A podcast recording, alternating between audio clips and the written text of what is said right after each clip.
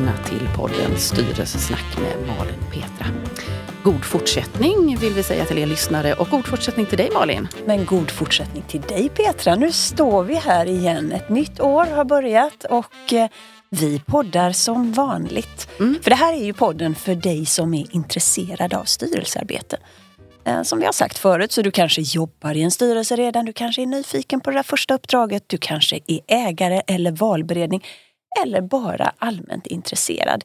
Det är så roligt att se för vår lyssnarskara breddar sig ju och vi har yngre och vi har äldre lyssnare har vi förstått. Så att, eh, jätteskoj och som alltid är vi intresserade av er som lyssnar och era förslag. Men idag har vi en superspännande gäst och eh, du ska få introducera honom lite kort Petra och eh, min första fråga till honom kommer att bli vilka nyårslöften ställer, lovar han i år? Jaha, hade du tänkt att säga. Förresten, har du, har du några nyårslöften? Eh, oj, oj, oj. Eh, bli en bättre människa. Ja. ja. Mm, Okej. Okay. Och du då? Nej, jag, jag, jag jobbar inte med styrelselöfte, eller med styrelselöfte, men det, det kanske man ska ha, med nyårslöften faktiskt. Ja. Utan eh, jag tänker att eh, det är ett pågående arbete hela tiden. Sen finns det ju liksom att man reflekterar lite grann och så. Men uh, inte, inte några specifika faktiskt. Nej, jag tror Mikael gillar det svaret. Ja, nu får du presentera Mikael. Ja, eh, och som vanligt, vi har ju pratat ganska mycket om det här med styrelseteam. Vi har pratat väldigt mycket om liksom, styrelsen som sammansättning och alla de här grejerna. Och med den bakgrunden så har vi bjudit in Mikael Alpro eh, som, eh, som är duktig på det här. Men du ska få presentera dig. Liksom, vad, vem är du och vad är det som gör att du kan prata om det här med högpresterande team? Ja, ja, först och främst stort tack för att jag får vara här. Och eh, härlig passning tänker jag med nyårslöften där. Vi kommer väl tillbaks till att jag jag är också involverad i en podd och årets första avsnitt handlar om att man ska sluta med nyårslöften. Så att, eh, jag antar att vi kommer tillbaka till den frågan också. Men tillbaks till din fråga Petra, där. Mm. det är ju så här att jag sedan närmare 20 år tillbaks jobbar med utbildningar och föreläsningar och hjälper både individer och organisationer med hur man kan jobba smartare på olika sätt. Bland annat då genom högpresterande team, vilket jag tycker är otroligt intressant. Alltså, varför fungerar vissa team och varför fungerar vissa team inte? Och man kan sätta ihop fantastiska laguppställningar och ändå fungerar det inte. Och så har man eh, det man absolut aldrig tror skulle fungera, fungerar hur bra som helst. Så att eh, den här frågan är ju den är fantastiskt komplex och den är fantastiskt rolig tycker jag. Så att eh, Ja, mm. jag jobbar mycket med det här i, i, i olika kontexter. Mm. Du jobbar väl med det här liksom hela tiden tänker jag. Har liksom den här långa erfarenheten av att jobba med just de här frågorna vilket gör att du är högintressant att prata med just med det som vi går omkring och funderar på. Som det här med ibland funkar det inte och vad är det som gör att det inte funkar? Och jag personligen då som jobbar bara som ordförande funderar ju jättemycket på mitt ledarskap och hur kan jag hjälpa liksom, den här gruppen, det här teamet liksom, till att funka bättre. I vilken ända börjar man Mikael när man ska prata om det här för att introducera liksom, så att vi sedan kan eh, mer ställa lite djupare och detaljerade frågor kring styrelsekontexten. Var, var börjar man när man ska prata om det här med högpresterande team och eh, team och grupper? Eller, och vad, vad, är en grupp och vad är ett team? Ja, vad är högpresterande? Ja, exakt. Vad lägger ni i ordet högpresterande? Om ni skulle beskriva något som är högpresterande? Jag skulle vilja säga så här, att man ägnar sig åt rätt saker. Mm. Det skulle jag vilja säga. Det är fair, det köper jag. Ja, och jag skulle nog vilja lägga till att, eh, att jag också som individ i en styrelse kan känna att det finns energi i rummet och ett engagemang. Uh, inte att det inte är svårt, men att vi, uh, att vi fungerar som, som grupp och får liksom energi och styrfart i rätt riktning. Mm. Bra känsla helt enkelt, ja. om man nu ska förkorta det. Ja. Ja, när jag gör det här i, i, utbildningsform eller i workshopform eller jobbar med ledningsgrupper eller olika grupper så är ju det alltid första frågan. För det sitter alltid någon rackare som är förbannad över ordet högpresterande. För att tala klarspråk. Eller hur? Eh, det är provocerande ord. Det är jätteprovocerande och det kan det ju vara med all rätt tänker jag om man inte reder ut vad det är. För att det handlar ju inte om att man ska stressa sönder sig eller springa snabbare eller jobba ännu hårdare och jobba 70 timmar i veckan eller vad man nu hittar på för någonting. Det har ju inte med saken att göra egentligen utan göra rätt saker. Man får energi. Mår man bra, presterar man bra. Men det gäller ju att definiera det här så att man har ett, ett, ett, man är tydligt överens, tänker jag, i gruppen vad man menar med high performance eller högpresterande eller vilket ord man nu använder egentligen. Så att eh, otroligt viktigt. Fråga två där, vad är team och vad, vad är en grupp då? Ja, det, det är ju hönan och ägget nästan, eller hur? Mm, mm. Um, Men jag brukar tänka så här, och det är väl inte bara jag som tänker så här och säger så här, men att ett team brukar man ju väldigt ofta beskriva som att det är det är ett gäng med människor som har ett beroende av varandra. Alltså man är beroende av varandra för att få framgång. En grupp, då är det mer att man sätter ihop ett gäng och så jobbar man parallellt. Ibland brukar jag jämföra med när, har ni sett när barn spelar fotboll? Mm. Unga, unga barn. Mm. Det är fantastiskt. Jag har varit fotbollstränare hela, hela livet nästan på olika nivåer ifrån små barn till, till elitnivå här i Sverige. Och det är, det är helt fantastiskt som man ser på så här som är 4, 5, 6, 7, 8 år någonstans. De spelar ju fotboll samtidigt men inte tillsammans. Mm. Eller hur? Mm.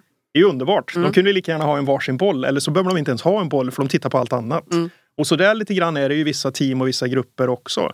Man är där och gör saker samtidigt men man gör det inte tillsammans. Mm. Och det kanske är ett av de här svaren på varför vissa grupper fungerar bättre och vissa fungerar sämre, tänker jag. Mm. Så att ett team, när jag får den frågan alltid, det är liksom att man har ett beroende.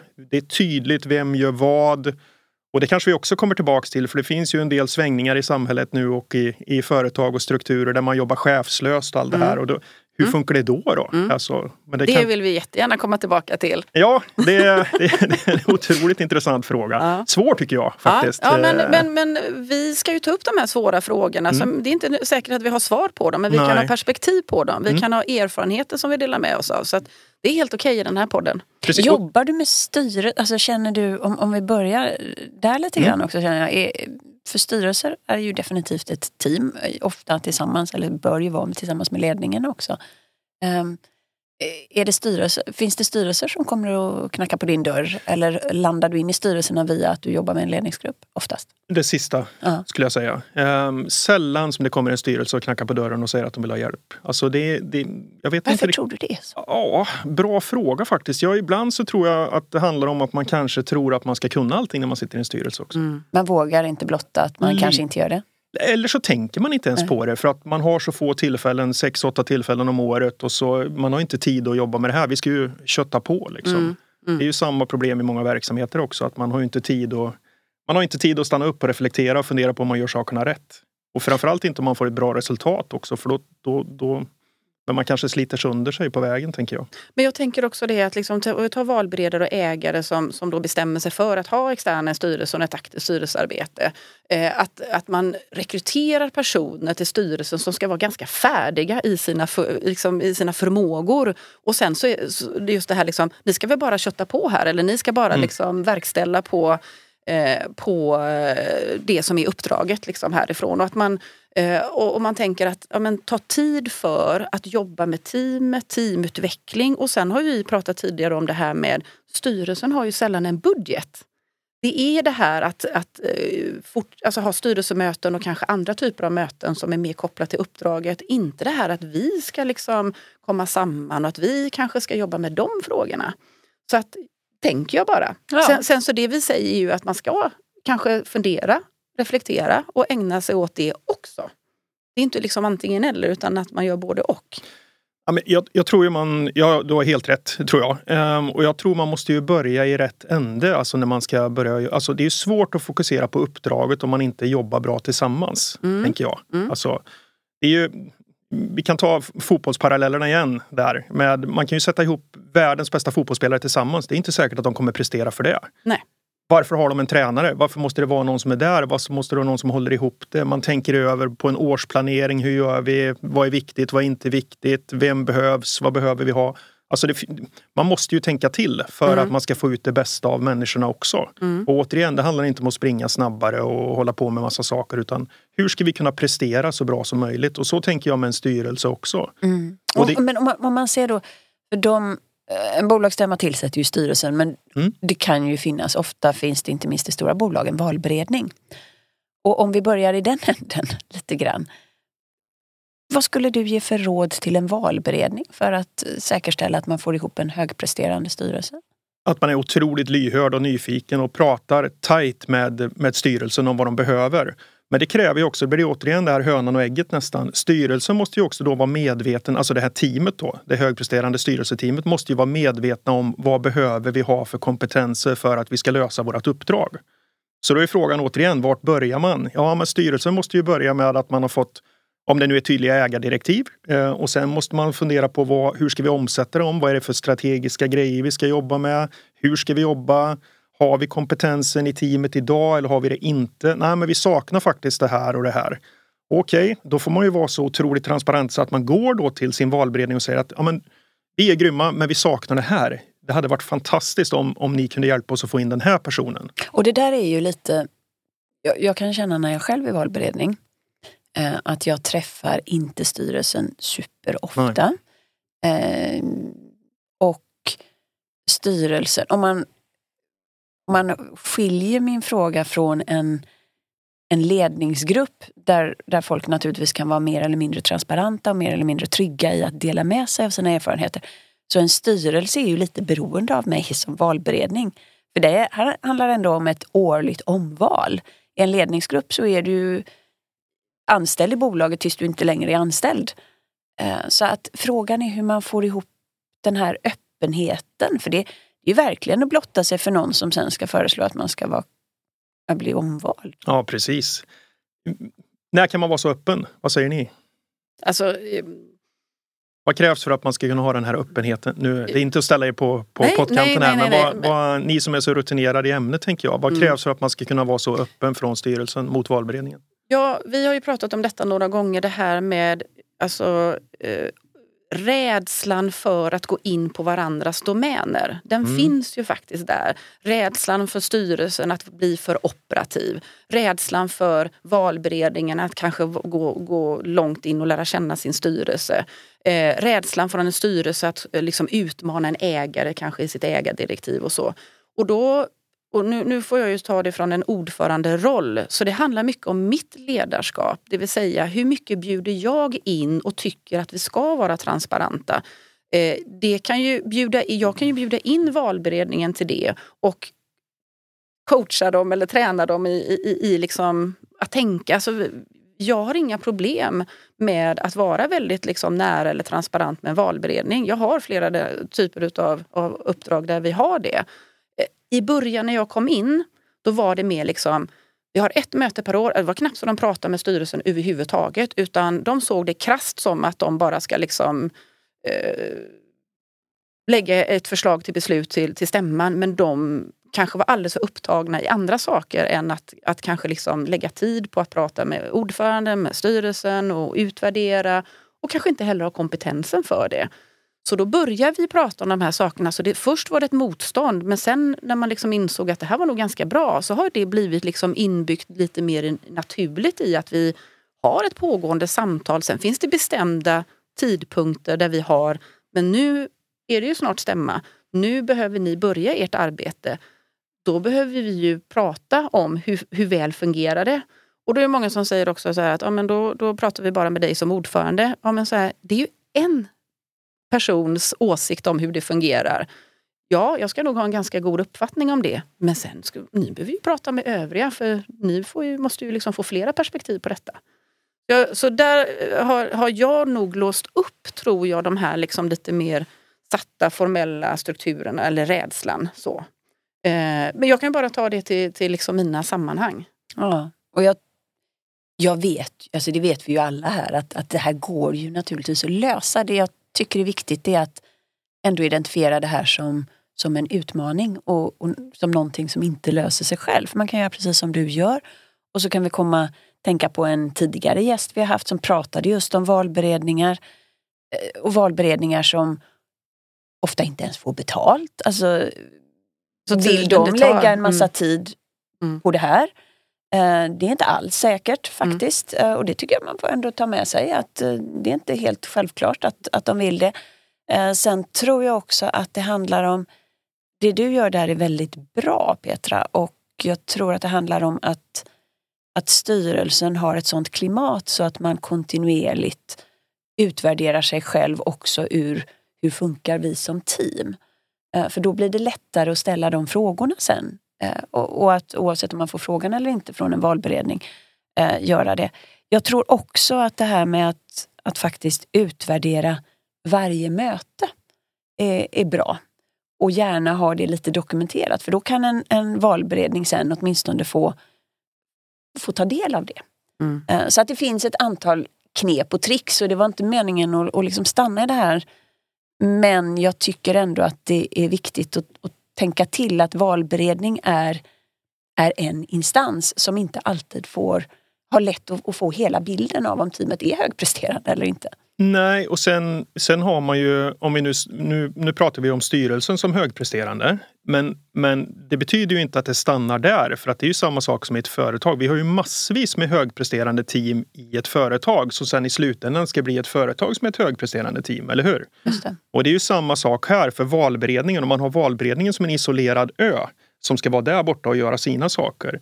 Och sen har vi styrelsen här. Det går, det är ju, ni säger ju motsatsen här, men man kan ju lyfta ihop det också. Man ska ju ha ett högpresterande team med valberedningen och styrelsen, Mm. eller hur? Mm. Det blir, ju, det blir ju ytterligare en nivå eller en dimension på det. Mm. Så det här är ju, det är ju jätteklokt det ni säger och, och få ihop det där på ett Mm. bra sätt. Mm. Och jag tror att man måste, det tycker jag i alla fall baserat på, på erfarenheten att jobba med mycket grupper och ledningsgrupper. Så där, man, man pratar inte om de här sakerna heller.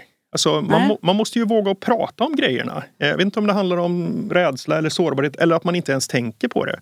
Men bara prata om det. Vad, är, vad, vad, vad vill vi få ut i slutändan? Vi har ju ett gemensamt uppdrag. Det är ju att vi ska prestera så bra som möjligt i den här styrelsen. Och vilka hjälper oss med att sätta ihop rätt gäng? Ja, men det är ju valberedningen, eller hur? Mm. Så vi har ju egentligen samma uppdrag fast vi gör olika saker.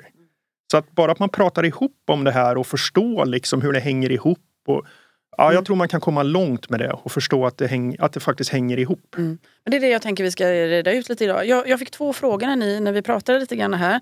Den ena frågan är när man då utvärderar sig själv eh, och, kommer, och, och liksom det som du inledde med här lite grann. Alltså, vad, vad är det vi behöver för att lösa uppdraget? Vi, vi saknar det här.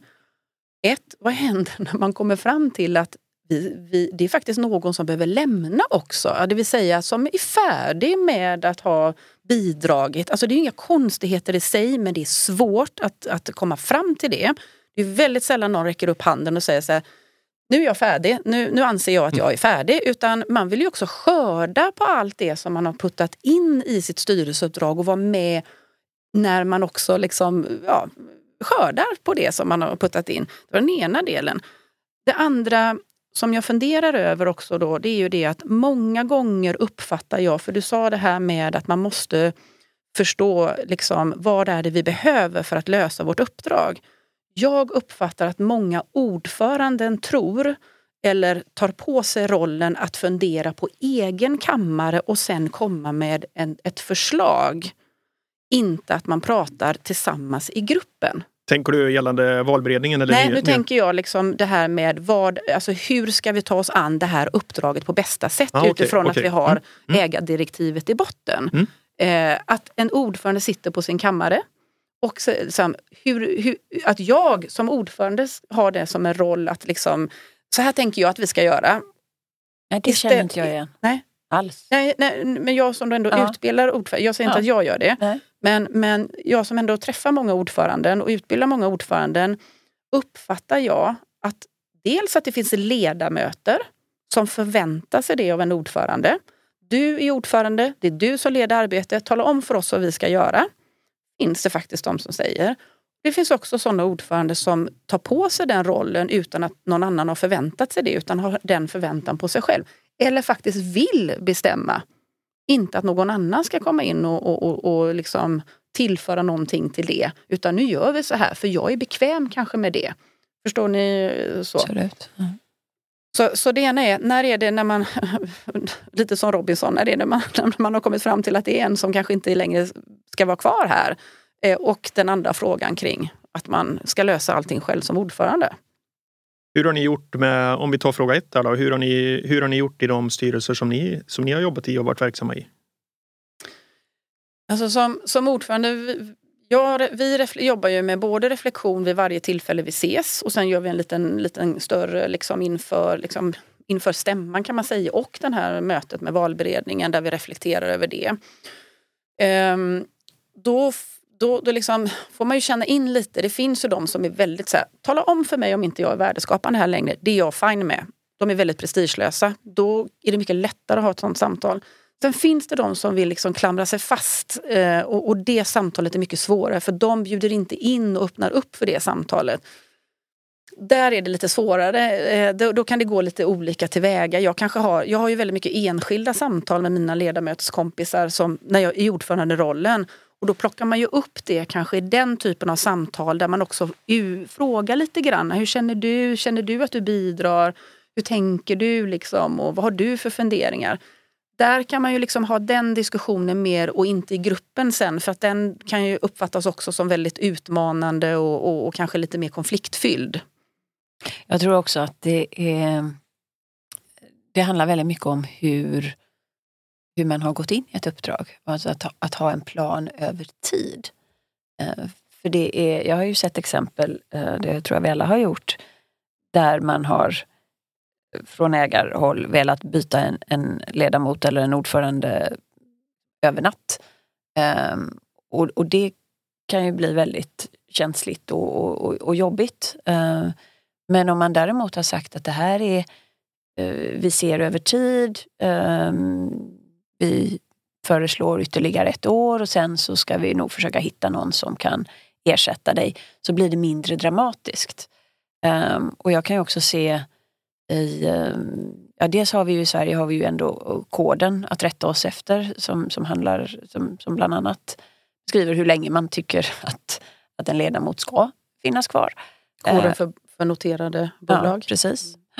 Uh, och um, i, i något bolag där jag eh, finns, där har vi en, en maxgräns på nio år, tre treårsperioder. Och det är liksom inget snack om den saken. Det kan bli några månader hit eller dit beroende på när det kommer någon annan. Men eh, och där har jag sett någon försöka klamra sig kvar ändå, men, men då har det varit väldigt tydligt för det, det är så uttalat.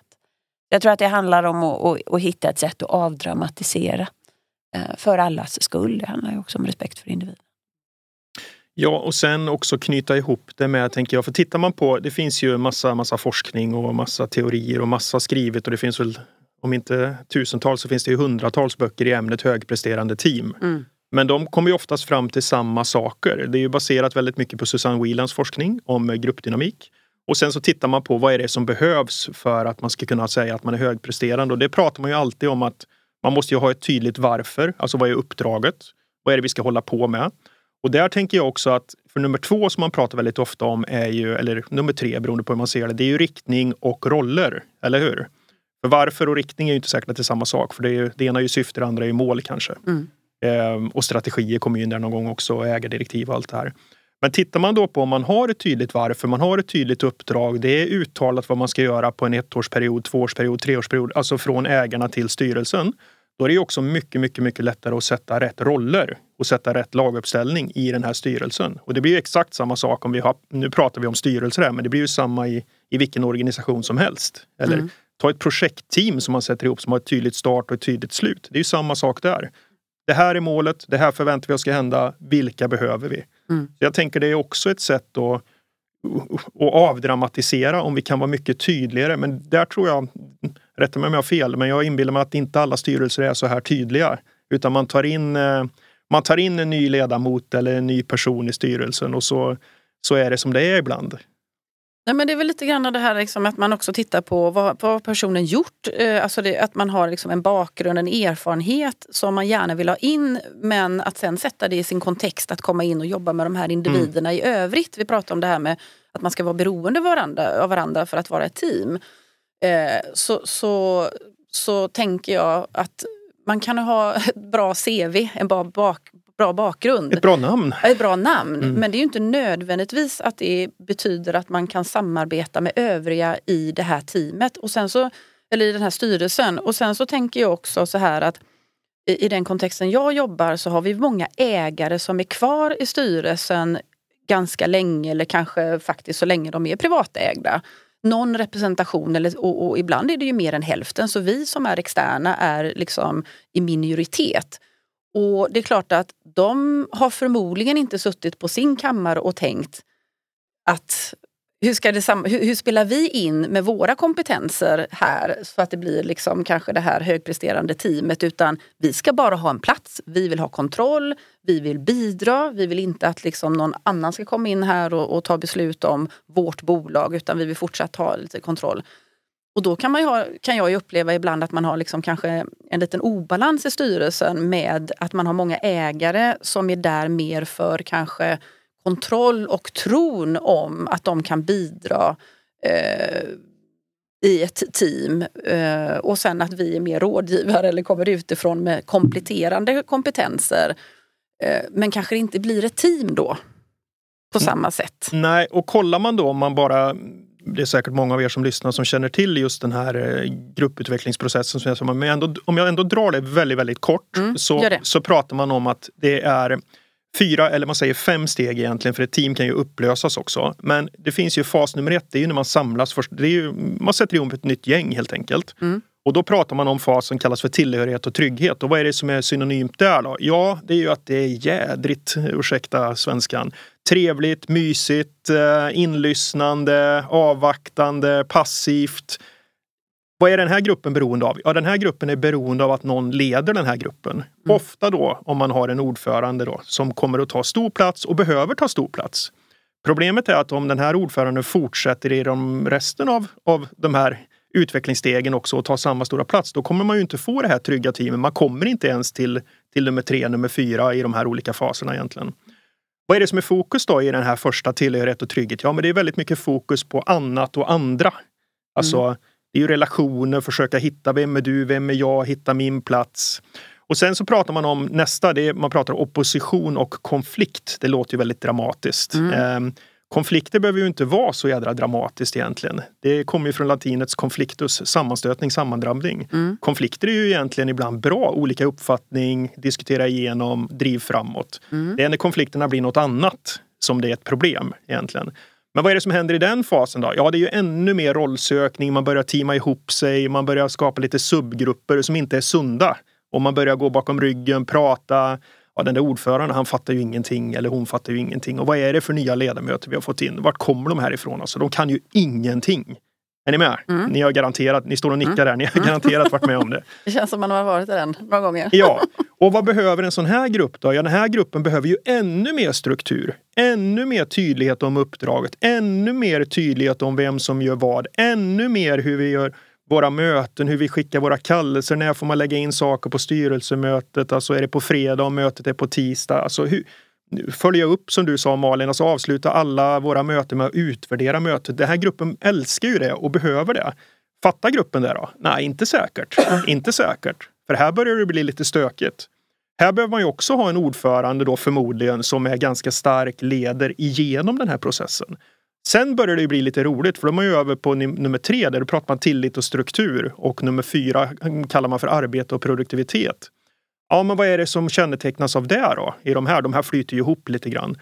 Ja, det är ju att stor del av, av vår tid läggs på produktivt arbete. Roller är satta, vi vet varför vi är där. Olikheter är en styrka här. Alltså, vi stör oss inte på varandras olikheter utan vi har listat ut att det är ganska bra att vi är olika, olika kompetenser. Vi är inte hotade av att någon säger att du och jag, Petra, sticker iväg och gör ett uppdrag och så gör du Malin tillsammans med Kalle, om vi nu har någon Kalle där.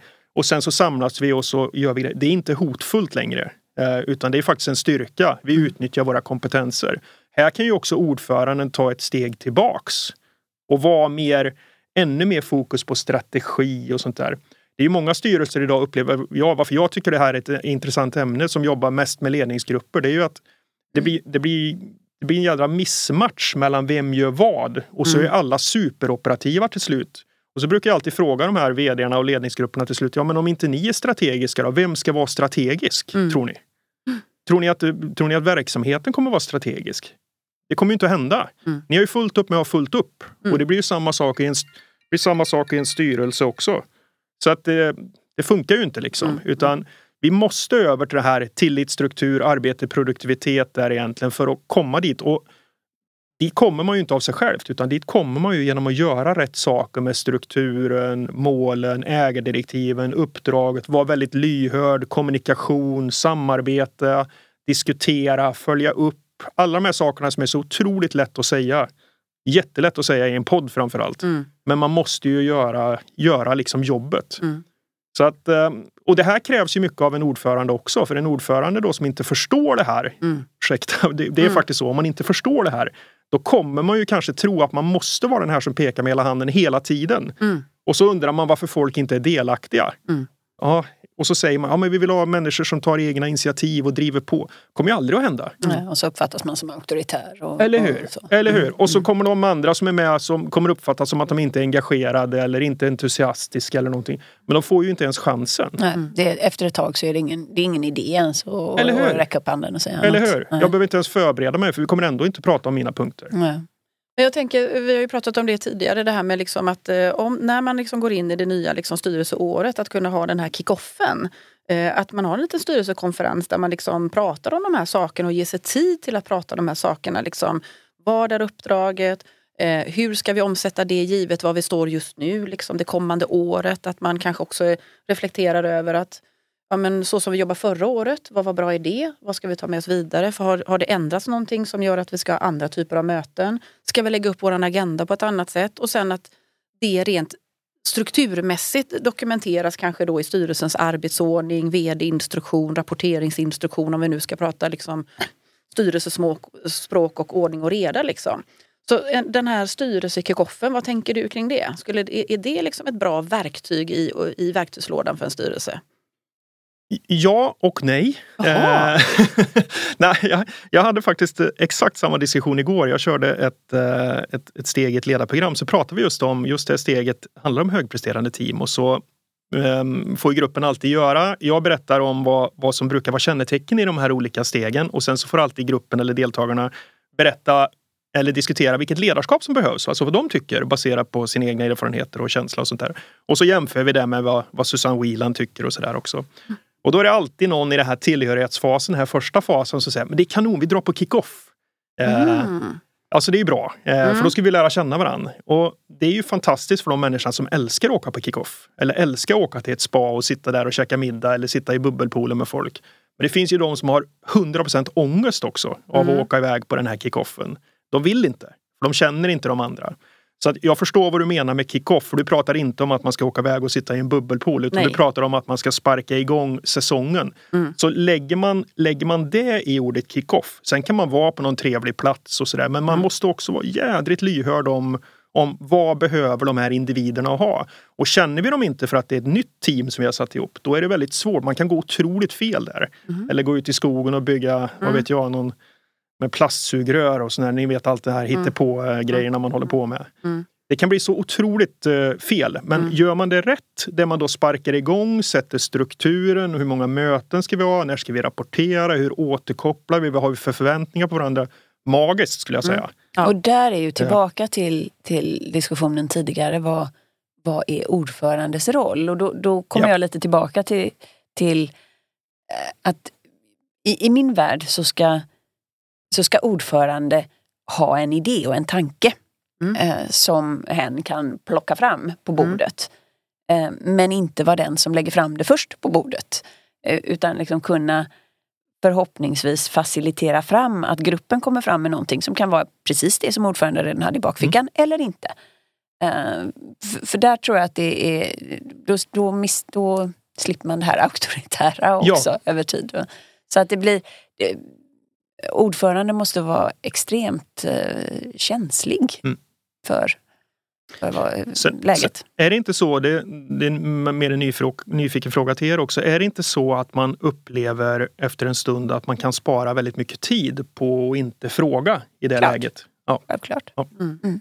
Men då blir det problem med förankringen ja. å andra sidan. Ja. Så att, Sen är det ju att starta upp ett nytt team. Det är egentligen, jag sa det till Petra innan vi spelade in podden här, eh, att starta upp ett, ett team som ska bli högpresterande. Det är inte så otroligt komplicerat egentligen. För det är bara att ticka i rätt boxar och göra rätt saker strukturellt. Gud vad skönt! Eh, ja, det, det går ju att säga så som jag säger, men det går ju inte att säga så heller. Eller hur? För att det är ju människor vi pratar om i slutändan.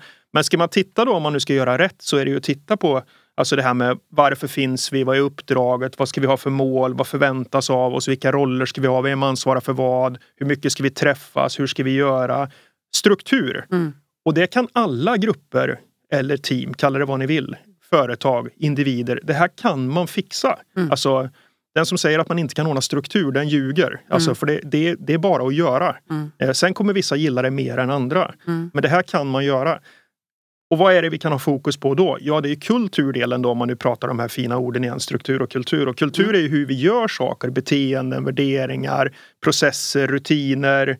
Alltså hur gör vi egentligen? Mm. Och det är det man vill ha fokus på, inbillar mig jag i alla fall, i en styrelse. Mm. Ehm, Men du, du, du ställde en fråga till oss i början vilket var väldigt eh, spännande och smart eh, kring vad är högpresterande för oss. Mm. Om, vi, om vi lite, för jag står här och tänker okej, eh, Eh, jag, ser framför mig, vi ska vid varje styrelsemöte så ska vi fundera i slutet av mötet och vi ska fundera först också ha respekt för att vi är lite olika, några introverta, några extroverta. Så först ger vi oss någon minut var och funderar på vad tyckte jag var, hur, hur var det här?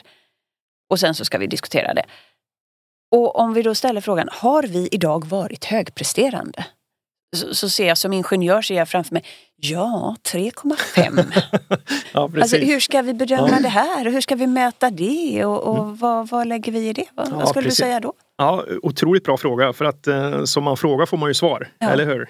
Så att det gäller ju att definiera vad det är vi utvärderar och vad vi mäter också. Ja.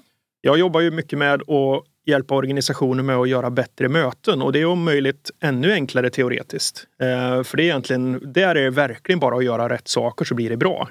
Fast det glömmer ju nästan alla. Och där ska sista punkten också på alla möten som är repetitiva vara ehm, utvärdering av mötet, tycker jag. Mm. Och då är ju rådet att man går igenom vilka frågor är det vi ska utvärdera? Eller vad är det vi ska utvärdera? Och då pratar vi inte stängda frågor, alltså frågor där du kan svara ja eller nej på. Mhm. Var det här ett högpresterande möte? Ja. För att folk är så jäkla trötta så man vill dra därifrån. Mm. Eller man orkar inte längre. Mm. Utan det måste vara vad det som vi gjorde idag. Har vi nått våra mål på rätt sätt? Har alla varit involverade? Det kan man ju svara ja eller nej på också. Men jag tror ni fattar vad jag är Mm. ute efter. Mm. Så att, eh, och, och återigen att inte någon bestämmer utan man bestämmer. Hur ska vi utvärdera? Alltså hela tiden ha det här med kontinuerlig utveckling. Det, är en ganska, det kanske tar fem minuter i slutet av ett möte. Det får inte ta längre för då börjar man att älta om olika saker. Utan hur ska vi kunna vara lite, lite, lite bättre nästa gång vi träffas? Mm. Den frågan är ju relevant. Eh, storlek på, på teamet, har det betydelse? Det finns ju en massa forskning på det där också.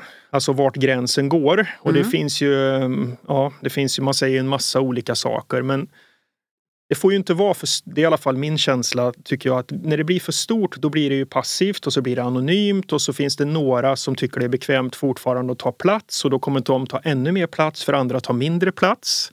Och är vi för få så blir det problem med dynamiken ändå. Så att, Vad är den magiska, vad är den magiska gränsen då? vad ligger era styrelser på? 6, 7, 8, 9 kanske?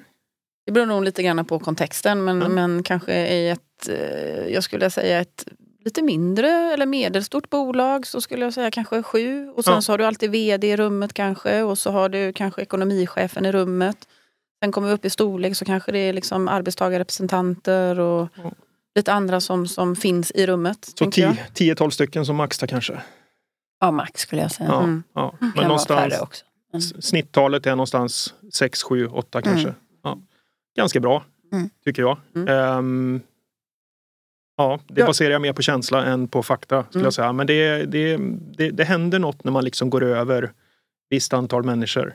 Ehm, Ja, för jag tänker på det här liksom, när vi pratar om relationer och Mm. fokusera på liksom det här inledande delen. Liksom, vem är du? Och, vad, och att man liksom försöker hitta sig i gruppen och så här. Det är klart att ju fler vi är desto fler behöver jag ju också fundera över i hur ser min relation eller hur ser deras relation ut? och så här. Så att Jag tänker att det har ju ändå lite bäring på att det får inte vara för liten som du säger och då kan man ju fundera så här, vad är en för liten grupp då?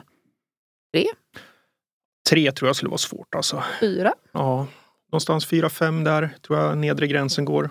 Mm. Tre, då, det, det är klassiskt. Det är två mot en till slut. Ja, ja men precis. Va? Så att det, det finns ju någonting där. Liksom. Så att det, det är väl liksom eh, däremellan då kanske Mm. fem till 10, 11, 12 Ja. vad man nu måste Ja. vara. Liksom så Där man lärde kanske. sig i skolan, den optimala gruppen är fem till åtta personer. Ja, Mm. ja men det, det är ju, och det har man ju inte bara hittat på. Nej. Skolan eh, kan man säga mycket om, men de, de har ju otroligt mycket rätt i många saker. Om, Mm. om, ja, nej, men de har ju inte hittat på grejer. Och då tänker jag också så här, eh, styrelsen jobbar ju väldigt nära vd. Mm. Styrelsen, vi, du pratar inom så här liksom ett team, det handlar om att man är beroende av varandra för att lösa liksom det, den målbilden, det uppdraget man faktiskt har. En styrelse är ju beroende av sin vd. Ja. Ingår vd då i styrelseteamet? Jag hade svarat ja på den frågan, Mm. rakt av. Mm. Eh, utan att tänka efter. Mm. Men det hade jag gjort. Eh, av den enkla anledningen, han, han eller hon är ju inte med i styrelsen. Nej. Men Som grupp, eller som, som utvald i det formatet liksom? Nej. Det är ungefär samma som att, att ta bort chefen ifrån en arbetsgrupp. Mm. Chef, chefen är ju inte med i gruppen, eh, men de är ju ändå med i gruppen i allra högsta grad. Eh, så att ja, jag hade räknat med vd, för jag tror ju inte, det är ju en fråga tillbaks till er. Gör ni skillnad på hur ni behandlar vdn i ett styrelsemöte? Um, eller hur ni behandlar en annan ledamot? Eller behandlar ni dem på exakt samma sätt när ni diskuterar? Har frågor De har olika roller men de behandlas på samma sätt. Ja, exakt. Olika roller fattar jag, men man behandlar dem ändå på samma sätt. Vilket innebär att ingen tänker egentligen på, fast man tänker på att de är vd såklart, men man, ingen tänker på det i själva gruppprocessen när vi sitter där och diskuterar saker. Så det är i allra högsta grad är det viktigt att de är med, för annars blir det en annan dynamik när de kommer in. Det ska det ju bli såklart, för det finns ju en distans mellan styrelsen och vd, det fattar jag också. Mm. Men ändå så tror jag att man måste involvera dem. Men man fattar att de är med fast de inte är med. Och om vi då, Mm. för, för du sa tidigare att du, ehm, det är sällan som en styrelse knackar på din dörr. Men du jobbar ibland med styrelser via att du jobbar med ledningsgruppen. Hur känner vdarna som du har att göra med? Känner de sig inkluderade i, i det högpresterande teamets styrelse? Sällan skulle jag säga. Det är egentligen en av de anledningarna till att, att du och jag har pratat om det här ämnet också Petra tidigare. Om att Mm. jag, jag upplever att det är, ett, det är ett stort gap emellan ledningsgrupper, vd upp till, till styrelser. Man, man har ju egentligen, tycker jag, från ägare till styrelse till ledningsgruppen och vd så har man ju samma uppdrag. Man borde ju vilja samma sak. Man borde se att samma saker är viktigt. Sen har man olika uppdrag. De, ju längre ner man kommer desto mer operativ är man. Man ska göra planerna och målen och allt det här och resurserna och allting som, som en styrelse inte håller på med. Men vi har ju trots allt samma uppdrag. Mm. Det finns ju hur mycket skräckexempel som helst med vd som jag jobbar, på, eller jobbar med som, som blir kallade till styrelsemöte. Man sitter där som något litet barn och får gå in 13.25 till 13.40 och så får man en massa skäll. Och, ah, det, det trams liksom, Mm. för att tala klarspråk. Mm. Tillsammans. Sen ska Mm. det ställas krav tydligt och man ska få beröm när man ska ha beröm och man ska få höra när man behöver steppa upp såklart. Mm. Men, men ja, jag, jag tror att det finns ett stort, stort, stort eh, potentiellt eh, gap där som man borde ta bort faktiskt. Men Jag tänker också där, för du pratar om det, på tal om det här med en sak är ju liksom att, att eh, styrelsen är ju liksom formellt beskriven i sitt uppdrag och det finns en lagstiftning liksom kring Mm. det. Vi är beroende av vd, då är vd liksom, ingår ju i det teamet. Och när du pratar strategi då så är det ju liksom, har man den storlek på bolag och man har en ledningsgrupp där vi alla är ansvariga för strategin. Ja. Men vi har olika roller i den. Mm. Eh, omedvetet så jobbar jag väldigt mycket styrelse, vd, ledningsgrupp i de strategiskt återkommande frågorna. Så då, då tänker jag så här att ja, men då teamar ju vi ihop Mm. hela den vad ska man säga, grupperingen av människor just för att jobba med strategi. Sen också hur ska vi omsätta det om det nu är liksom det taktiska och det operativa sen då där de har mer roll, rollen att implementera och verkställa. Så. vad, är det, vad är det du är ute efter när du gör på det här sättet? Eh, dels, att, eh, dels att jag behöver flera perspektiv. Mm. Vi har olika perspektiv, vi har Mm. olika kompetenser. Eh, det handlar om att jag vill att man ska också känna sig delaktig, kunna påverka så att det inte blir liksom så här att eh, styrelsen säger och så pekar man med hela handen och så ska Mm. du bara verkställa. Jag tänker också förankring, att man känner liksom att, att man är med och har förstått resonemangen. För en sak är ju att under lång tid resonera om saker och ting och så blir det någon färdig produkt eller en färdig eh, plan eller vad det nu är för någonting som man sedan ska presentera. Du har ju inte, men ska du sen då verkställa detta som ledningsgrupp och i den befattningen om du inte har med dig diskussionerna bakom som resulterade i det här eh, resultatet som man har kommit fram till, då kan det också vara svårt att veta varför ska jag göra det här. Så så tänker jag. Mm. Varför jag ställer frågan var för att det, var, det är bra det du beskriver tycker jag. Ehm, nu är inte jag styrelseexpert, men jag tänker utifrån, utifrån eh, så som man tänker med, med grupper så är det ju smart. För ordet som poppar upp i mitt huvud är ju samsyn. Mm. Alltså att man har ungefär samma syn på sakerna. Sen får man ju vara noga med att man fortfarande har olika uppdrag såklart. Styrelsen har ju ett uppdrag och, och sen ska ledningsgruppen omsätta det här till någon form av, av, av plan såklart och göra grejerna. Men just det här att, att göra samsynen. Sen är det också en annan, en annan faktor som är viktig tänker jag att belysa. Det är ju det här med, med delaktighet och slash få som man vill. Det här är ju någonting som är, är väldigt, väldigt vanligt. Du som jobbar utanför Sveriges gränser, där är ju inte delaktigheten kanske inte är på samma nivå där. För i Sverige älskar vi ju delaktighet. Jag har jobbat mycket i Finland och en, en, fin, en finsk chef sa till mig så här i Sverige, ni bara pratar och pratar. Så han var så mm. trött på det. Mm. Jag säger inte att han hade rätt eller att han hade fel, men det är annorlunda.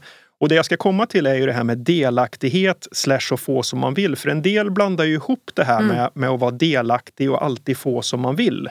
Man kan ju vara jättedelaktig. Alltså, i en Engagerad. Ja, och i en styrelse så kan man ju få det här med att, inte få det här diktatoriska som du sa, eller man kör över någon som du sa Malin där.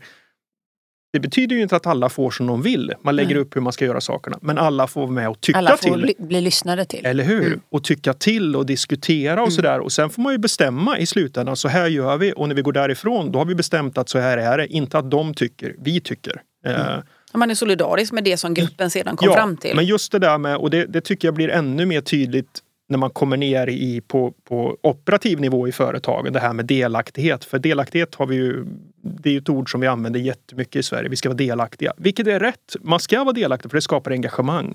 Men folk blir också besvikna när de inte får som de vill. Ja, det är ingen delaktighet på det företaget. Mm. Aha, varför då? Ah, fick inte... Nej, men, men det, det kanske var helt, det var då helt orimligt ja, att mm. det skulle bli på det där sättet. Mm. Så bara man har med det, tänker jag, i, i grejen. Men just det här med att skapa samsyn, engagemang, apropå att spara tid, gör man det som du beskrev det Petra så sparar man ju också tid. Mm. Alltså, för det kan man ju vända och vrida på sakerna. Mm. Um, jag, jag har en fråga här. Mm. Tillbaka till de fem faserna som jag tycker är mm. väldigt viktiga att ha med. Yes. Uh, och då ställer jag lite retoriskt då att när man väl har uppnått nirvana så är man, är man kvar där då. Det är man mm. naturligtvis inte. Men vad krävs det om man nu tar sig igenom de här faserna och man kommer till tillit och man kommer till produktivitet Eh, då är ju inte livet bara rosa om man bara fortsätter så. Vad, vad krävs för arbete i en, i en konstant miljö? Liksom? Har ni varit med om att någon i någon verksamhet som ni har jobbat har varit högpresterande, om jag använder ordet, högpresterande, jätteduktig, gör ett superresultat och så helt plötsligt ifrån ingenstans säger upp sig. Mm. Ja, varför då? Varför säger de upp sig? Är de uttråkade eller? Förmodligen. Ja. Det finns ingen utmaning kvar. Nej, finns inget in... motstånd. Exakt. Det är den största, största faran när man hamnar med en grupp och ett team också i arbete och produktivitet. Eller största faran, det finns väl massa faror. Men en av de största farorna när man hamnar där, det är ju att det går för lätt. Det går för bra. Mm. Vi, vi, vi är på en superhög nivå. Mm. Jämför man med andra så kanske man ligger mil före i hur vi jobbar. Men för dem har det blivit normalt, det har blivit vardag, det finns ingen motstånd, det finns ingenting. Så att tittar man på på när man tittar vilket ledarskap som krävs i den fjärde fasen arbete och produktivitet så är det väldigt, väldigt, väldigt mycket att fortsätta och pusha framåt, nya uppdrag, nästa steg, nästa plan. Hur ser vi på ett år, två år, tre år?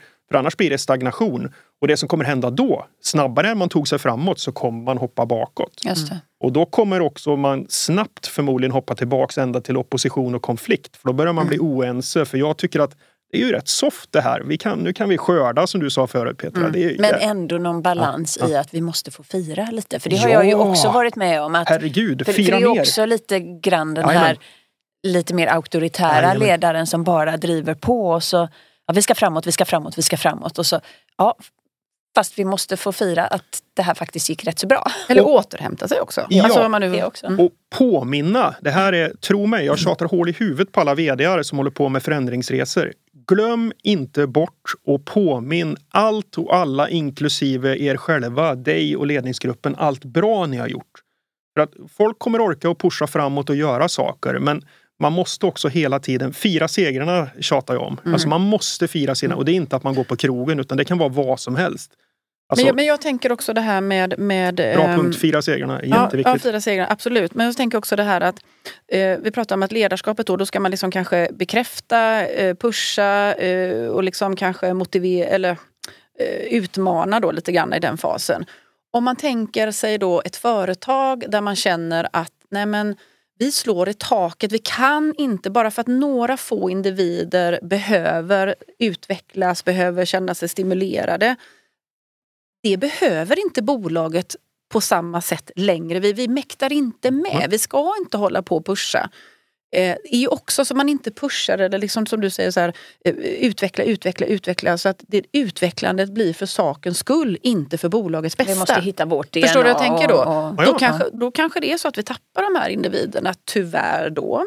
Fast Ja. bättre för alla Ja, egentligen. eller hur? Ni har ju redan Ja. svarat på den här frågan, apropå det här med valberedningen och, och, och vilka personer behöver vi ha? För att det beror ju helt på i vilket, vilket, vilken fas befinner sig företag.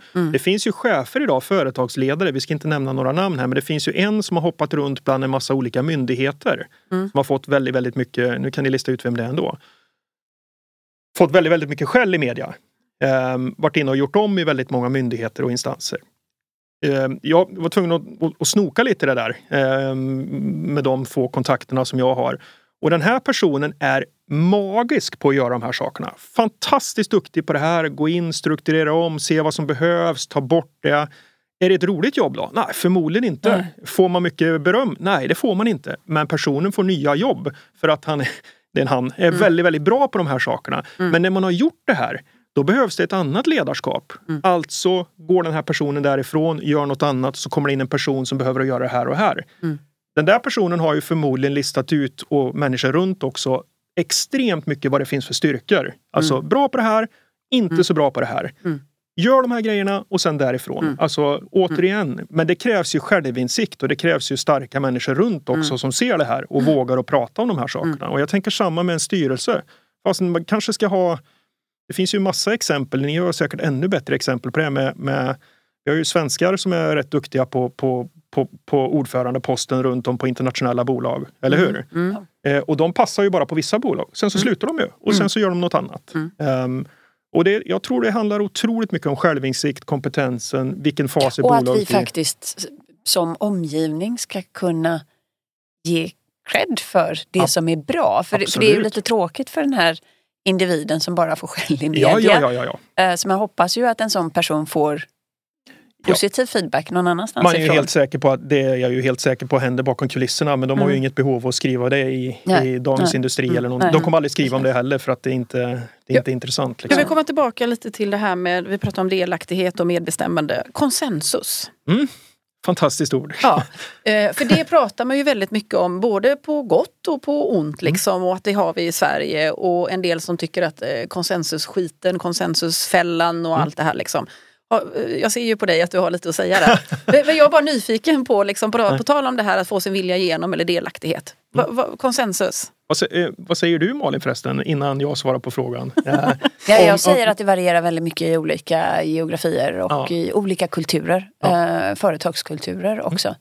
Eh, väldigt, väldigt mycket. Och det är också intressant i det är att dels så, så är det olika i olika kulturer. Men det är också olika för olika individer hur vi trivs eller inte trivs. Vi kan må väldigt dåligt av att inte nå konsensus, många individer. Eh, eller vi kan må faktiskt dåligt av att oh, det här är ju bara mellanmjölk.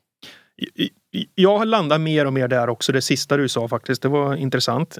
De flesta brukar inte säga så. Jag, alltså, utan det är, det är väldigt mycket personlighetsbaserat. Beteendestilar tycker jag mer. Jag, jag jobbade med, under pandemin här nu så jobbade jag med två ledningsgrupper i Italien eh, på ett stort, stort eh, verkstadsföretag. Um, skulle ha varit där och gjort det egentligen men det var ju precis när, när pandemin bröt ut och sådär. Så vi gjorde allting digitalt. Vad har ni för uppfattning om Italien? Vad, är, vad har de för beteendestil i Italien? Mycket känslor, mycket uttryck och de är pang på. Ja. Det var 100% tvärtom skulle jag säga. Okej. Eh, Det fanns vissa individer som var på det här sättet och så fanns det vissa som var på helt andra sätt. Alltså var ju de också en, en, en mix av allting. Det spelar ingen roll om vi bor i Italien eller vi bor här. Sen så kanske en extrovert i Italien är lite mer extrovert än en svensk extrovert. Eller en introvert i, i Italien kanske nästan är extrovert i Sverige för det finns ju nyanser av allting. Men just det här med, med, med beteendestilar och allting, det är vad man har för personlighet. Det, konsensus är ett ord som vi har använt väldigt mycket i Sverige och det är en styrka tycker jag att man liksom, det går in i delaktighetsgrejen, eller hur? Men man måste ju också reda ut vad är konsensus? Är det att alla får som de vill? Nej, men det går ju inte, eller hur? Så att mm, konsensus och delaktighet i grund är ju jättebra. Men man måste ju också förstå när det funkar och inte funkar. Och jag tror också att det är mer, en del gillar och mår jättedåligt av när man inte kommer till, till konsensus eller alla får tycka till eller någon blir besviken och sådär. och några bryr sig inte överhuvudtaget. Det är Mm. målet som är i fokus. Mm. Att, Och det där tänker jag är, är superintressant också. ehm, som jag då eh, ringlar mig till, till en, en fråga in.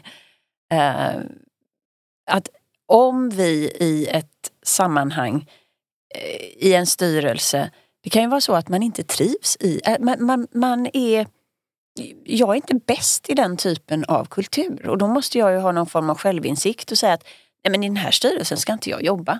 För här är det en annan kultur. Alltså det, det är ju olika kulturer. Det är inte så att vi kan hitta en styrelsekultur och den är bäst överallt. Ehm, Så att den, den svängen då till min fråga. Om, om, som ett antal av våra lyssnare, eh, säg att det här 2023 är året då man tar sitt första styrelseuppdrag. Inte som ordförande, eh, även om vi har, har stora krav på ordförande. Men hur tar man sig in i rummet mm. för att bli del av det här högpresterande teamet? Vad kan man förvänta sig av de som är i rummet redan? Det är jätteviktigt såklart. Men vad gör jag som individ för att landa in i det här högpresterande teamet och vara en del av det? Ja, otroligt bra fråga. Det är ju 10 000 kronor frågan. Ehm, jag tänker spontant att man ska vara lite mer som generation Z när de är ute och söker jobb. Mhm. De har ju vänt på perspektivet. Eller hur? Mm. Ehm, vi är väl ungefär i samma ålder, vi som står i det här rummet. Ehm, när vi har gått på jobbintervjuer de gångerna vi har gjort det så har vi ju garanterat suttit där med mössan i hand och berättat allt vi är bra på. När vi har fått frågor och knappt några motfrågor för då kanske man uppfattas som jobbig och då får man inte jobbet och sådär. Liksom. Mm. När de går ut och söker jobb i mångt och mycket idag så har ju de redan gjort en undersökning på företaget. Vad står det för? Vad är det för värderingar? Hur jobbar de? Hur jobbar den här chefen? De har kollat på LinkedIn, de har kollat på sociala medier, de har frågat runt bland andra. De har ju gjort jobbet innan. Mm. Alltså kollat, passar jag här överhuvudtaget? Mm. Varför i hela världen ska ni få min kompetens? Mm. Så tänker ju de. Mm. Rätt eller fel? Ingen aning. Men de tänker ju så. Mm. Och jag tänker också om man nu ska ta sitt, sitt, sitt första styrelsejobb för att kunna man måste ju tänka efter ordentligt. Inte bara bli förblindad av att man kanske får frågan om ett nytt, nytt styrelsejobb. För det tror jag är väldigt, väldigt vanligt. Håller med. Ehm, jag har ju gått den här utbildningen nu eh, för, för dig Petra faktiskt. Ehm, och det var ju många där i det här rummet som var otroligt sugna. Jag är helt hundra på att de, de skulle hoppa på allt.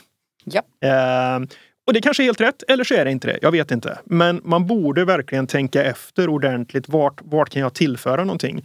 Men det är också lätt att säga, svårare när man står där och fått erbjudande kanske och man får betalt för det och sådär. Så att, men eh, lite mer som generation Z. Alltså, gör jobbet innan. Vänd på perspektivet. Mm. Men din fråga Malin var väl när du redan har blivit vald. Alltså hur kommer jag in i gruppen Ja, när jag redan Absolut, är vald? men jag tyckte det här var väldigt, Ja, det var väldigt jättebra. bra Men jag tror att det var inspel. så. Jag uppfattade Jo, så, ja, din men, fråga men, så. Men jag tänker att om man först, då är det mycket lättare att, att, att agera. Om man redan Mm. Ja, du, vet vad de ska in- dra för nytta När du är inne i det, ja precis. Då, ja, precis. Då hade nog jag tagit ett ett ett möte med eh, ordföranden och försökt att fråga väldigt konkret om hur man jobbar. Ja. Alltså hur gör vi, hur gör vi inte? Mm. Alltså för att kunna säga att jag ska kunna vara så bra som möjligt. Jag vill veta hur ni, hur ni jobbar liksom. Mm. Och det kanske man gör redan innan man tackar ja också har ett sånt ett ett möte med, med ordföranden Mm. efter man har blivit mm, föreslagen av valberedningen, alltså innan man är vald till och med. Mm, tänker jag Precis. stämma av. Alltså mer göra jobbet och det behöver liksom inte överdrivas åt något håll men liksom göra grundjobbet innan. Och då skulle du säga Peter att det ligger naturligtvis i ordförandes ansvar att se till att ett sådant möte kommer till stånd. Så att Mm. om det mot Ja. förmodan inte sker så jag som individ ser till att få ett sådant möte. Mm. Men, men, men eh, jag tänker, eh, om jag bara får liksom reflektera lite grann över de eh, senaste kanske tre, fyra åren där valberedningar, ägare har velat få in lite yngre förmågor. På tal om generationer. Mm. Så har de efterfrågat detta och bett att få träffa mig och Mm. kanske någon till innan de svarar på frågan eller svarar ja eller b- Mm. bildar sig en uppfattning. Eh, och jag tycker det är jättesunt. Och, och, och, Men är det inte alltid så? Jag tror aldrig jag har gått in, jag sitter, står här och tänker, jag tror aldrig jag har gått in i ett uppdrag utan att ha träffat eller alltså, åtminstone digitalt ordförande. Nej, det är bra. Det är jättebra. Eller det, det är in. nog många som har. Eh, på tal om Okej. det som du sa innan Mm. där Mikael, att, att Okej. många är så. Jo men om man tänker, du pratar, för du frågar om, pratar om det första styrelseuppdraget. Där man är liksom Ja, är lite, sant. lite, lite, ja men det har ju du och jag pratat om innan där Malin, att det är svårt att få, vi ska säga inte få, men, mm. men liksom, att man får frågan och blir vald sen i sitt första styrelseuppdrag. Och många liksom funderar över hur kommer jag ens in mm. och få lite skin in the game mm. och få den här erfarenheten som alla andra frågar efter. Jag måste ju börja någonstans. Ja, liksom. Ja. Och då blir det nästan lite så här, jag, jag behöver inte ha något betalt, mm. eh, men bara ni ger mig möjligheten. Men då kanske man inte, då kanske man åsidosätter de här liksom, tankarna kring, är jag rätt här? För bara så här, jag måste få erfarenheten. Ja, men så, så är, det. är, är det inte så, det är väl, kvittar väl nästan vart ja. man ska in och ja. göra. Man får göra liksom hund... Hundåret eller hundåren eller ja. Gavettan säger man på fotbollsspråk. Man får göra liksom eh, jobbet som tränare om du ska hamna på, på högre. Du måste göra jobbet liksom. Mm. Italienska är det. Mm. Eh, alltså det jag, jag tror och det är ju syftet, återigen. Mm. Eh, Men vad vi kan konstatera alla här det är ju att, eh, och jag skulle säga, och jag tror att ni håller med, att det är ju ordförandes ansvar också att se till att det... Mm. Men, men informera dig om den grupp som du förväntas ta plats i. Mm. Och sen självklart om du är en grupp och det kommer, jag brukar alltid använda liknelsen med båtar. Jag, jag gillar också fotboll men mm. jag gillar också båtar. Eh, att om någon kliver ur en båt eller kliver i en båt då, då gungar båten. Mm. Och innan alla, och dessutom så passar folk på att byta platser i båten när, när en plats blir ledig. Så att det gungar ett tag. Mm. Um, och då ska man ha flytväst och sitta ner i båten. Men, men då, då, då handlar det om att liksom hitta, hitta mm. rollerna. Där. Tittar man på, du ska få komma in där Peter, tittar man, båtmetaforen är ju bra. Den, när man, det man pratade om väldigt mycket innan man tyckte att Susanne Whelans teori om grupputveckling var, det var ju, det var ju FIRO-teorin av eh, Will Schutz, amerikanska psykologen. Eh, där använder man ju alltid båtmetaforen. Man står mm. på land och så ligger det en båt och så kliver man i och så vill mm. man vara med i båten. Vem ska styra? Vad händer om kaptenen ramlar över? Vad händer om den som ror ramlar över? Då tar någon annan platsen. Det är en, det är en bra liknelse. Mm. Mm. Det är en jättebra liknelse. Um, däremot så säger man ju nu i, i den här forskningen som Susanne Whelan har tagit fram där att för det man menar på i FIRO var att om man bytt ut en person så hoppar man tillbaks till steg nummer ett mm. i FIRO. Och det menar man på att så behöver ju inte vara fallet. För har man en bra struktur, man har en bra organisation, man har ett tydligt varför, man har ett bra arbetssätt. Då kan vi faktiskt byta ut en person eller två och det kommer att gunga ett tag men det kommer liksom inte bli att det blir stora, stora problem. Mm. Och är man då noga i rekryteringen vem man plockar in istället, ja men då kan den här personen förmodligen gå in och och, och bli ganska högpresterande tillsammans med kompisarna direkt. Mm. Liksom. För det var en av mina frågor, men nu har du svarat på den frågan. Men däremot så in, innan vi faktiskt eh, skiljs åt. Eh, den ena frågan är nog ett kortare svar. Den andra frågan får, vi får vi se, det kanske blir ett lite längre avsnitt idag. men, eh, nej, men det, det ena är ju det här med klurigheten för en styrelse som inte ses så ofta som man gör kanske då i eh, när man är anställd i ett bolag och utgör till exempel en ledningsgrupp eller ett annat typ av team. Eh, och sen så är jag ju väldigt nyfiken på det här eh, som en del nu går in i och vill driva, det chefslösa eh, organisationen där vi, där vi som styrelse möter ägare som väljer att inte ha en VD eh, och eh, man inte ska ha chefer och ledare i sin organisation. Den tycker jag är spännande den frågan och jag vet att det, vi har ju lite grann diskuterat innan. Men först vi går till att se sällan. Mm. Har det betydelse? Klart det har. Mm. Eh, jag, jag, var ju hård mot kickoff förut mm. Eh, och sa att kickoffer inte är bra. Alltså kickoffer är ju magiskt eh, oftast om man är uppe på nivå 3, nivå, 3, nivå 4 i den här grupputvecklingsprocessen och man lärt att känna varandra. Då, mm. då kan det funka hur bra som helst att åka iväg på, på spa eller vad man nu gör för någonting. För då har man ju lärt att känna gänget och man vet vad det är man ska göra för någonting. Mm. Och vad är det man är ute efter när man åker iväg någonstans eller man träffas? Det är ju relationer, eller hur? Mm. Lära känna varandra lite, lite mer. Och det betyder inte att man måste älska varandra eller grilla ihop på fredagskvällarna utan man, man, man vet lite mer om varandra. Man vet vad som funkar och hur det inte funkar. Så att det är klart som tusan att faktorn att ses mycket, ses lite är, det ser man väl nu under pandemin. Vad är det som egentligen blir brister nu när vi inte är på kontoret? Det är ju relationer väldigt mycket. Det blir ännu mer möten, det blir mer avstämningar digitalt, saker går kanske långsammare i vissa fall, innovationer, sånt där. Alltså, vi vet ju inte vart det tar vägen, eh, någonting av det här, men det kommer ju små rapporter mest hela tiden. Mm. Och vissa säger att det funkar hur bra som helst att göra det digitalt. Så att vi vet ju inte. Men tillbaks till grundfrågan där. Ja, det är klart som tusan att det är skillnad, tycker jag. Eh, och då tänker jag, hur, hur ska man, vad är viktigt då? Ja, men det är ju det är ju att vara ännu mer noggranna med alla de här beståndsdelarna som behövs för ett högpresterande team. Varför, målet, uppdraget, rollerna, tydligheten, strukturen. Allt det här som folk tycker är tråkigt. Mm. Men det är ju otroligt viktigt. För att vi har ju inte tid att lägga tid på det där när vi håller, håller på med. Mm. Jag har, det blir märkligt alltid massa fotboll när jag pratar i poddar. Konstigt. Men, men eh, jag, har en, jag har en kompis som har varit förbundskapten i ett land eh, som de fick lägga första ett, ett och ett halvt åren på att ordna till strukturen. För att det funkade inte. Det var för dåligt hotell, det var för dålig mat, det var för dålig träningsanläggning, det var för dåligt material. Det var för, man klagade på det liksom i, i, i förbundet eller i, i laget? Man la fokus, precis, man la fokus på det. Det var ju, det var ju liksom i, i steg nummer ett i grupputvecklingsprocessen. Fokus på all, annat och andra. Mm. Det var det som fotbollen sekundär. Mm. Alltså, och så undrar man varför man inte fick bra resultat. Ja, det tacka fan för det, för det var ju inget fokus på det. Mm. Det träffas man ju väldigt, väldigt sällan också i landslagsmiljön. Det är ungefär som en styrelse som träffas ett par gånger om året och så förväntas man att vara högpresterande när man samlas. Jättesvårt ju. Det är mm. samma sak som en styrelse. Mm. Vad måste man göra då? Jo, man måste ju sätta strukturen. Det ska inte finnas någonting som skaver gällande det. Utan vi kan ha fokus på grejerna. Så jag skulle säga att det är ännu viktigare och mm. speciellt du mm. som jobbar i internationella miljöer också Malin, där ni ses förmodligen ännu mindre. Alltså, mm. Och så kommer ni in och så från olika ställen och så förväntas man att vara jäkligt vass tillsammans. Mm. Det är ju svårt ju. Mm. Jättesvårt. Mm. Men då måste man ha förutsättningarna på plats mm. för att man ska kunna fokusera på, på prestation. Och prestation är ju det enda vi kan egentligen påverka, vad vi gör och vad vi inte gör. Jag måste bara lägga till en sak där, eh, just kring det här när man eh, reser in. Uh, och det, det, är väl kanske en, ett, um, ett medskick till de som inte reser in, oavsett om det är en annan stad eller ett annat land.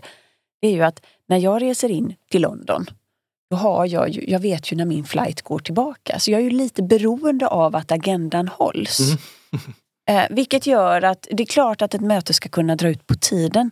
Men risken är att jag missar mycket av small talk. Mm. Ja. Och det är faktiskt ett dilemma. Uh, och framförallt om det, alltså är, om alla flyger in så är det inte ett så stort problem. Men om det bara är någon som gör det så, så skulle jag vilja mm. skicka den uppmaningen att faktiskt tänka till kring det. Uh, för det är en brist. Har ett ännu sämre exempel på det. Jag sa att jag varit och jobbat i Finland. Vad gör man i Finland när man har haft klart sitt möte? Bastun. Bada bastu ja. Vilka går i bastun? Ja, de går i grupper. Men, Gubbarna uh, går i bastun, för att tala klarspråk. Vad händer med kvinnorna? De är inte i samma bastu. Jag har Nej. två kvinnor som, som, som jag vet har råkat ut för exakt det här problemet. Mm. Inte bra, rent ut sagt. Och det händer eh, fortfarande. Ja, mm, ja det är, nu fick finnarna en skopa här. Men det, mm. men det blir ett exempel bara på mm. just det här. Så att var det, det finnarna som fick skopan eller vad tyckte du? Finnar, ja, eller gubbarna var det som fick skopan. finska, finska gubbar. Ja, finska gubbar. Uh, men uh, kan, kan vi liksom uh, förhålla oss lite grann till den här liksom Eh, Eh, organisationsstilen som eh, några bolag eh, utövar med att man vill ha liksom självledarskap, självstyrande team, man vill inte ha chefer eh, och, och liksom, så kan man ju tolka det på lite olika sätt. Så. Och om man då tar det till styrelsekontexten så handlar det om att en styrelse då inte möter en VD. Man kanske till och med möter en ja, ledningsteam eller vad det nu är man liksom möter. Eh, för det finns ingen vd helt enkelt. För det, det, det har ägaren bestämt att det vill man inte ha. Och sen så eh, upplever man kanske eller så, så, ska man också prata om organisationen. Eh, är vi rätt organiserade? Så det, finns, det är ju en fråga i styrelsen också. Funkar det, funkar det inte? Och så kopplar man det då till gruppdynamik och ledarskap mm. och chefskap och kanske traditionell organisationsstruktur. Liksom då. Har du någonting där som, som du kan säga i den frågan? Vi får spela in en särskild podd om det ja, tror jag. Ja. Jag, tycker, jag tycker rent generellt att det där är jättesvårt. Alltså, mm. Ehm, för det finns, jag har ju företag som jag jobbar med också som, som inne på det här spåret. Mm. Apropå delaktighet och, mm. och, och, samsyn och, och, ut med ansvar och konsensus och allt det här. Mm. Ehm, rent principiellt kan man tycka att det är ju fantastiskt bra. Ja. Men, men det blir ju det blir ju ändå utmaningar tänker jag som jag alltid försöker att ställa motfrågor när någon beskriver det här. Alltså vad, vad, någon bestämmer ju i slutändan. Alltså Mm. någon gör ju det i slutändan. Är det ägarna som bestämmer eller och så har vi ju det här om vi pratar kultur och struktur igen så har vi ju på kulturdelen så har vi ju där har vi ju ambassadörer brukar man ju kalla det ibland. De som är inte chefer ehm, men är fantastiska för verksamheten. De har varit här länge kanske. De brinner för grejerna. De är, ah, de är otroligt viktiga. De är positiva till det mesta. Eh, säger ifrån om saker inte funkar. Men ambassadörer. Sen har vi ju de motsatta. Som försöker att bara skjuta allting i sank. Det är fel på ledningen, det är fel på grejerna, det är för lite betalt, det är för mycket betalt. Alltså det är fel på allt eh, egentligen. Jaha, vad händer då om, om vi har en struktur där vi inte har någon som tar tag i det här? Alltså, nu, Mm. nu blir det ett stickspår här kanske, men det kan ju bli väldigt, väldigt skevt gällande kulturen. Mm. Eh, har man ett företag som startar på det här sättet, man Mm. gör det från scratch, då har man ju köpt in på det från början. Då har ju de som äger och startat sagt att så här vill vi jobba. Mm. Det finns ju massa fina exempel på det och så Mm. anställer man personer som passar i den här kontexten. Mm. Sen har man de som har funnits ett tag och så kommer man på att man ska göra om. Mm. Jaha, men då har man ju man har ju den agila är ju väldigt poppis också nu vad nu vad lägger in i den värderingen men det finns ju ett stort företag ehm, som har valt att jobba agilt med väldigt många av sina projekt. Ehm, men de har behållit den gamla rapporteringsvägen och de gamla strukturerna gällande hur de är organiserade. Så de har Mm. gjort, men, så det, det, det blir ju motsats liksom. Man ska Krock jobba, där. blir jättekrock. Mm. Supersvårt blir det. Mm. Ehm, så att ja, svamligt svar men jag skulle säga att det, det, det är inte lätt alltså. Mm. Ehm, och jag tänker utifrån ert perspektiv också som styrelsearbetare. Alltså, mm, vad, vad, hur ska man förhålla sig till det? Ehm, Jag tror hela tiden, jag, jag tror att vi, man är tillbaka till frågan, vad är uppdraget, eh, vad är syftet, eh, gynnar det det? Och att man liksom, om man då har det från början så måste man ju även där utvärdera, är det här fortsatt bra? Och det Ja. är i den andra situationen där man har kanske gjort om det lite senare i bolagets utveckling så är det ju samma där. Är det rätt organisation? För det är ju en strategisk fråga. Så att det handlar nog mer om att reflektera, utvärdera. Är det bäst? Eller är, ja, Och någonstans vad är det för individer vi får? För vi är tillbaka till det här att vi trivs i olika miljöer. ja. Och vi kan få vissa individer i, i en struktur och vi kan få andra individer eh, som blir högpresterande i en annan struktur. Så jag tror att man, man får ta med det också.